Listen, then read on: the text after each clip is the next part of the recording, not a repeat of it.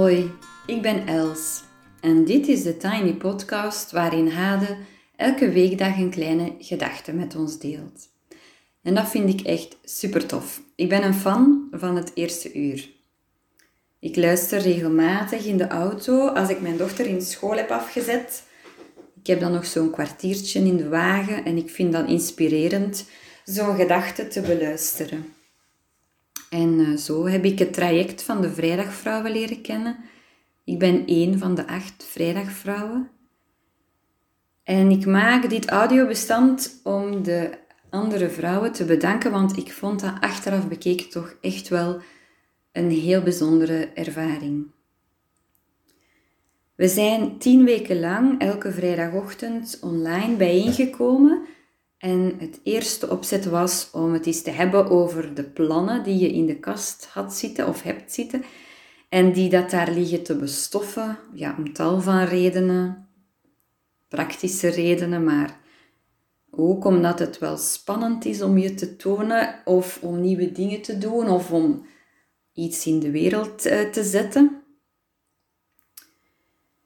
Het traject begon met de inleiding van het boek De Dansende Grootmoeders waarin een vrouw jou uitnodigt om, om binnen te komen, om te gaan zitten bij het haardvuur, om de lekkerste wijn te ontkurken en om de tijd te nemen. En ik herinner mij zo een zin uit dat fragment. Op het moment dat we aan de hemelpoort verschijnen, gaat er niemand vragen hoe goed we ons huisje hebben geboend, maar wel of we ten volle hebben geleefd. En daar gaat het uh, traject eigenlijk over. De zoektocht starten naar wat dat voor jou kan betekenen in kleine dingen, maar, uh, of in grotere dingen. En om dat in een veilige, warme groep te doen, ja, dat vond ik echt krachtig. Um, om zo te ervaren hoe de andere vrouwen de zoektocht starten naar, naar wat dat hun hart uh, sneller doet slaan. Of um, als schoorvoetend te horen praten over wat dat ze in de wereld willen zetten. Ik vond dat echt heel hartverwarmend. Um, er zat in het traject ook een visualisatie die Haden heeft begeleid.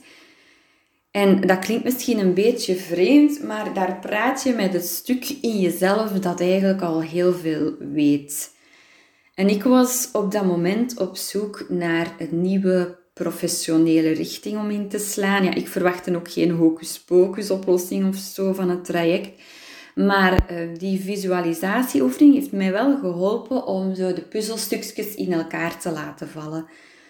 Uh, want daardoor besefte ik dat, dat het eigenlijk niet zoveel uitmaakte voor mij welke opleiding ik precies koos, zolang het een opleiding was uh, met een grote persoonlijke groei.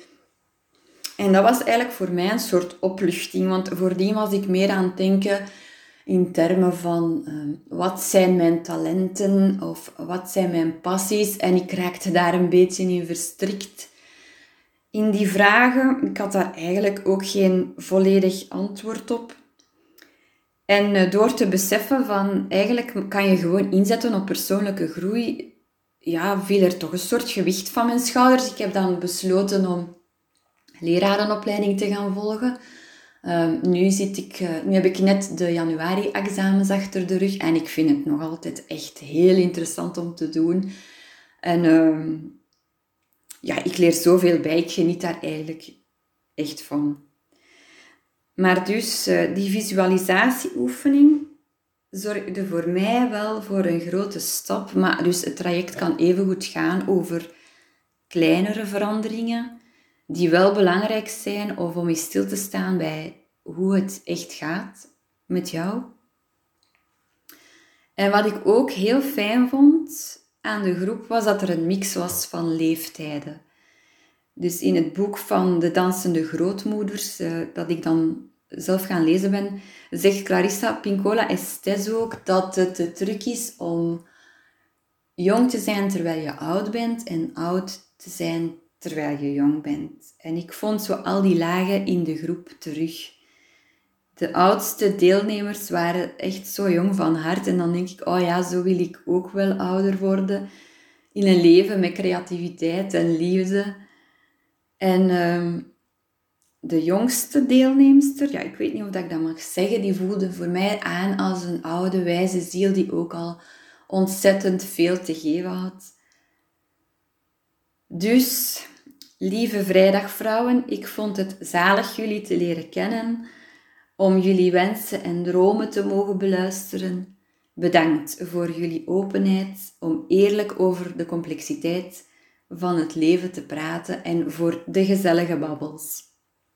En bedankt Hade om voor ons echt het haardvuur aan te steken, om ons uit te nodigen om te gaan zitten, om samen thee te drinken, om de boel de boel te laten en om te praten over wat echt wezenlijk is voor ons.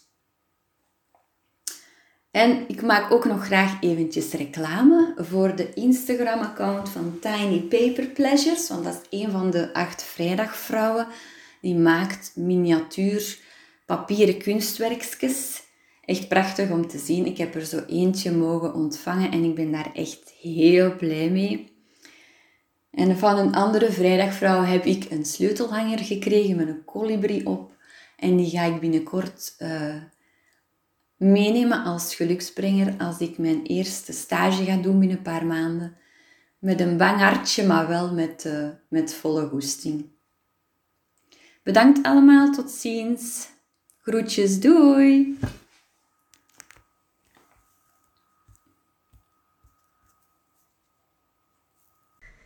Zo, wat een geschenk deze intro. Ik kreeg het gisteren doorgestuurd, ik was zelf echt heel verrast.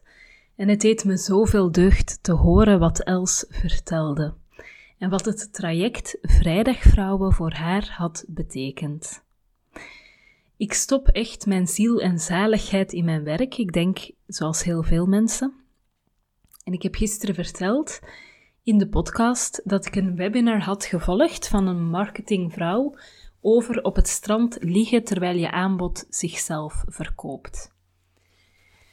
Nu is het voor mij duidelijk dat dat niet mijn ideaal is. Ik zou me doodvervelen, denk ik.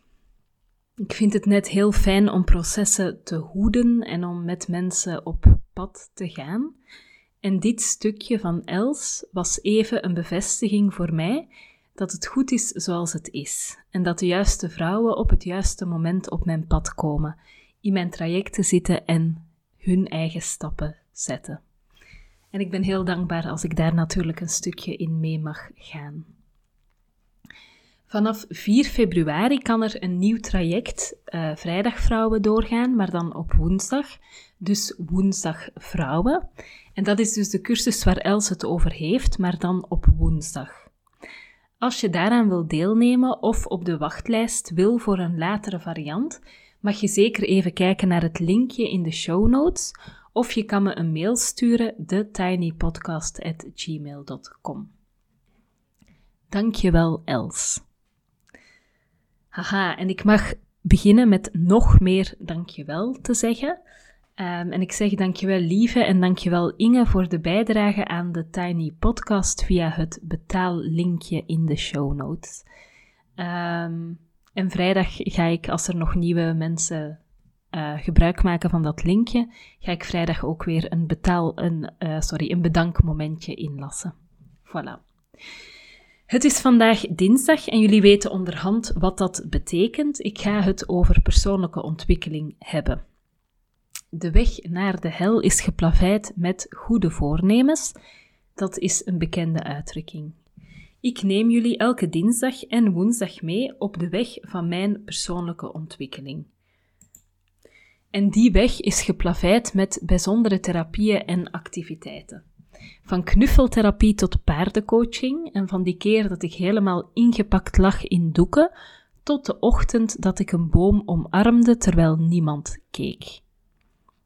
Vandaag en morgen neem ik jullie mee in de wereld van de astrologie. Een tijdje terug heb ik namelijk twee astrologische consults uitgetest. Ik liet een bezielingsprofiel maken bij Peter Gerrikens en ik ging langs bij Nele Kosters in Dendermonde voor een solaar. En een solaar is een jaarhoroscoop. Vergeet meteen alles wat je leest op de laatste bladzijde van een tijdschrift en wat dan zo gezegd je horoscoop is in twee zinnen, want deze vorm van astrologie gaat een pak verder en is eigenlijk iets helemaal anders. En om jullie daarin mee te nemen, ga ik je eerst een aantal kernbegrippen uh, uitleggen, zodat jullie het verhaal kunnen begrijpen. Het gaat, of de tak van sport waar ik het nu over heb, is de astrologische psychologie.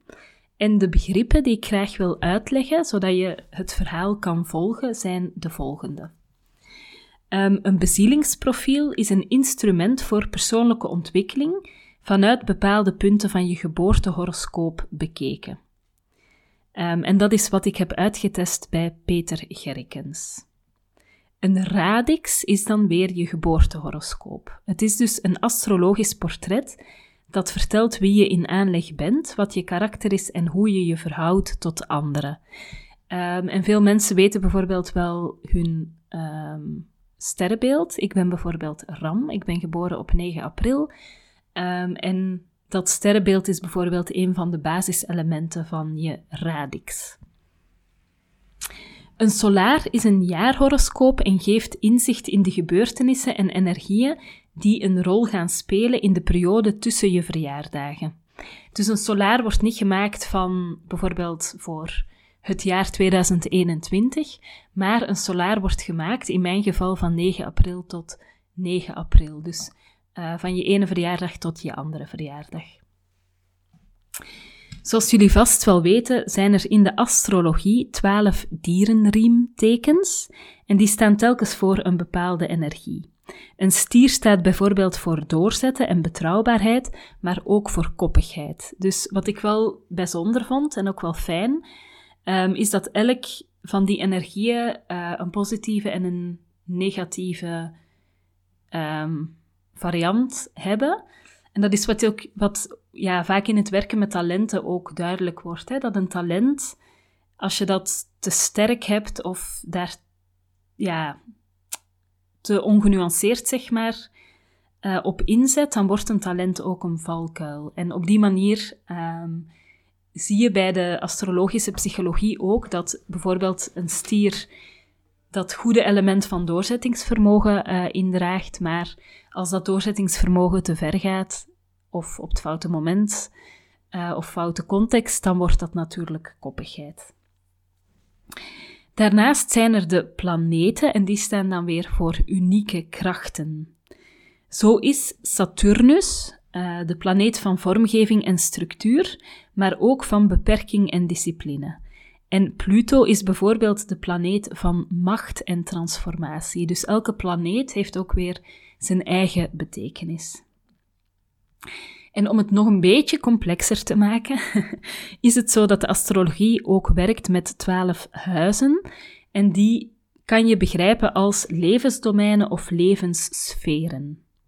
Elk huis staat in een teken en krijgt een bepaalde sfeer of inrichting mee. Sommige huizen zijn bewoond door één of meer planeten, en dat betekent dat de krachten van die planeten werken tegen een gekleurde achtergrond. Het zevende huis is bijvoorbeeld het huis van relaties. Als dat in het teken van tweelingen staat, betekent het dat communicatie heel belangrijk is in je relatie of in de relaties die je hebt. Als Mars dan weer bijvoorbeeld in dat huis staat, wijst dat op energie, initiatief en af en toe een stevige discussie. Want met Mars in het zevende huis heb je een voorkeur voor partners met Piet, partners die je uitdagen. Dus op die manier moet je eigenlijk ja, zien dat je een heel complex systeem hebt van planeten, huizen en dierenriemtekens uh, en dat die allemaal op elkaar inwerken en dat de stand van um, planeten en tekens in de huizen, dat die dan uh, in je radix zeggen wat je aanleg is. Bijvoorbeeld, je hebt een voorkeur voor een bepaald soort partner. Maar je kan ook kijken naar je solaar. Um, wat er bijvoorbeeld in het solaarjaar gebeurt in het zevende huis van relaties. En dan zou het bijvoorbeeld kunnen zijn dat bijvoorbeeld tweelingen of zo daar doorheen reist. En dat dat dan betekent, ik zeg maar iets, hè, dat je veel communiceert in die relatie. Dan tot slot heb je ook nog de zon, dus wie je in wezen bent. Ehm, de ascendant, hoe je op anderen overkomt, en de maan, hoe je gevoelens zijn. En die zijn de basis van je horoscoop. Voilà. En nu neem ik jullie mee op bezoek bij Peter Gerrikens voor het bezielingsprofiel. En morgen neem ik jullie heel graag ook mee naar Nele, Nele Kosters in Dendermonde. Ehm, en dan ga ik het natuurlijk hebben over mijn solaar.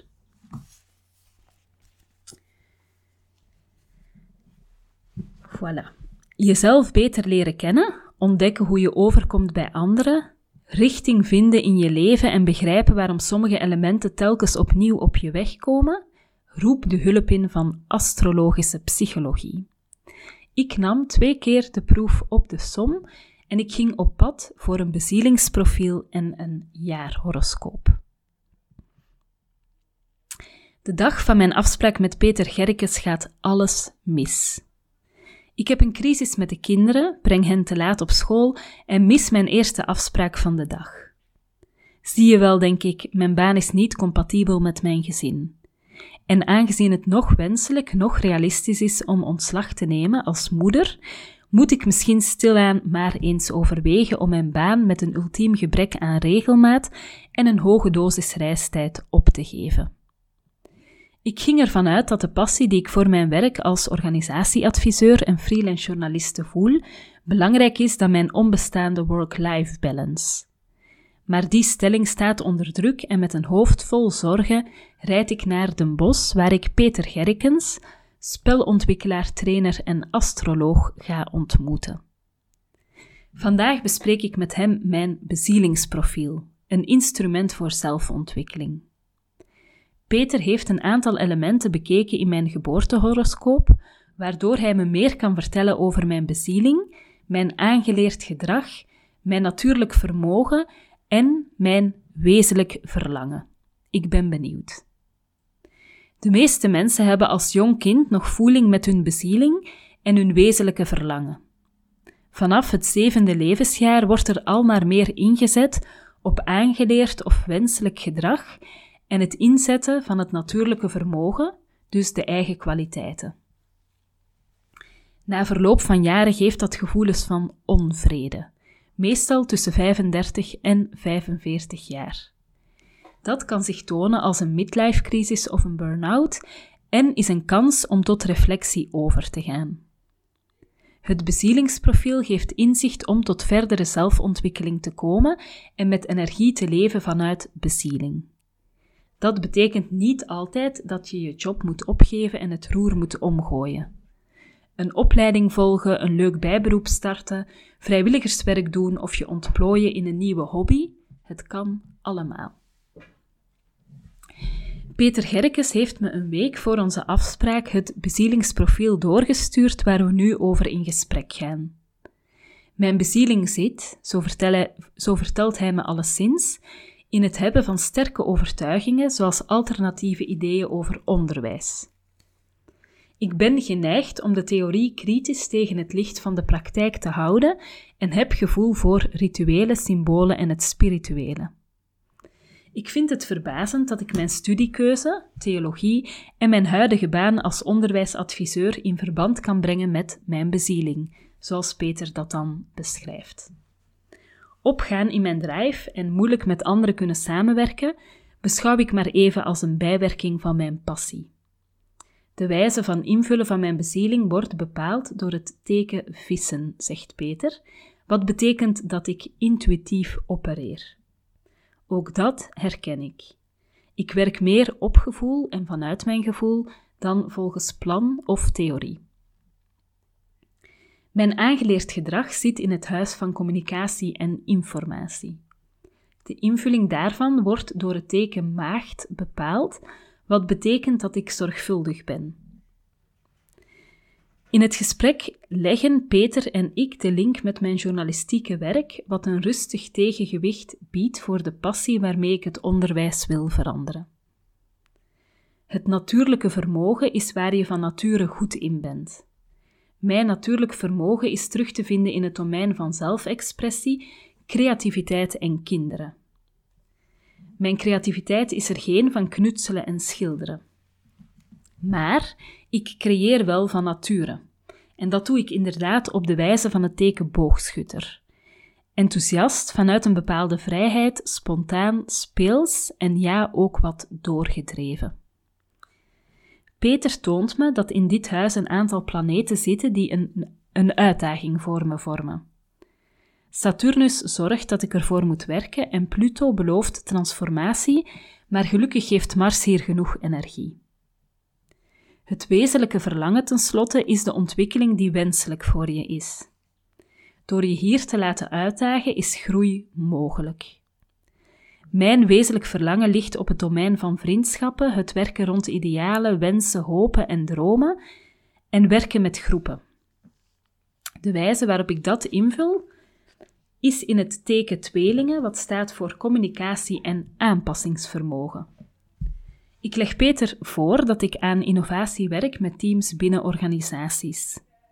Het blijkt zeldzaam en is bijzonder dat ik op mijn leeftijd al zowel van vanuit mijn bezieling werk als aan mijn wezenlijk verlangen.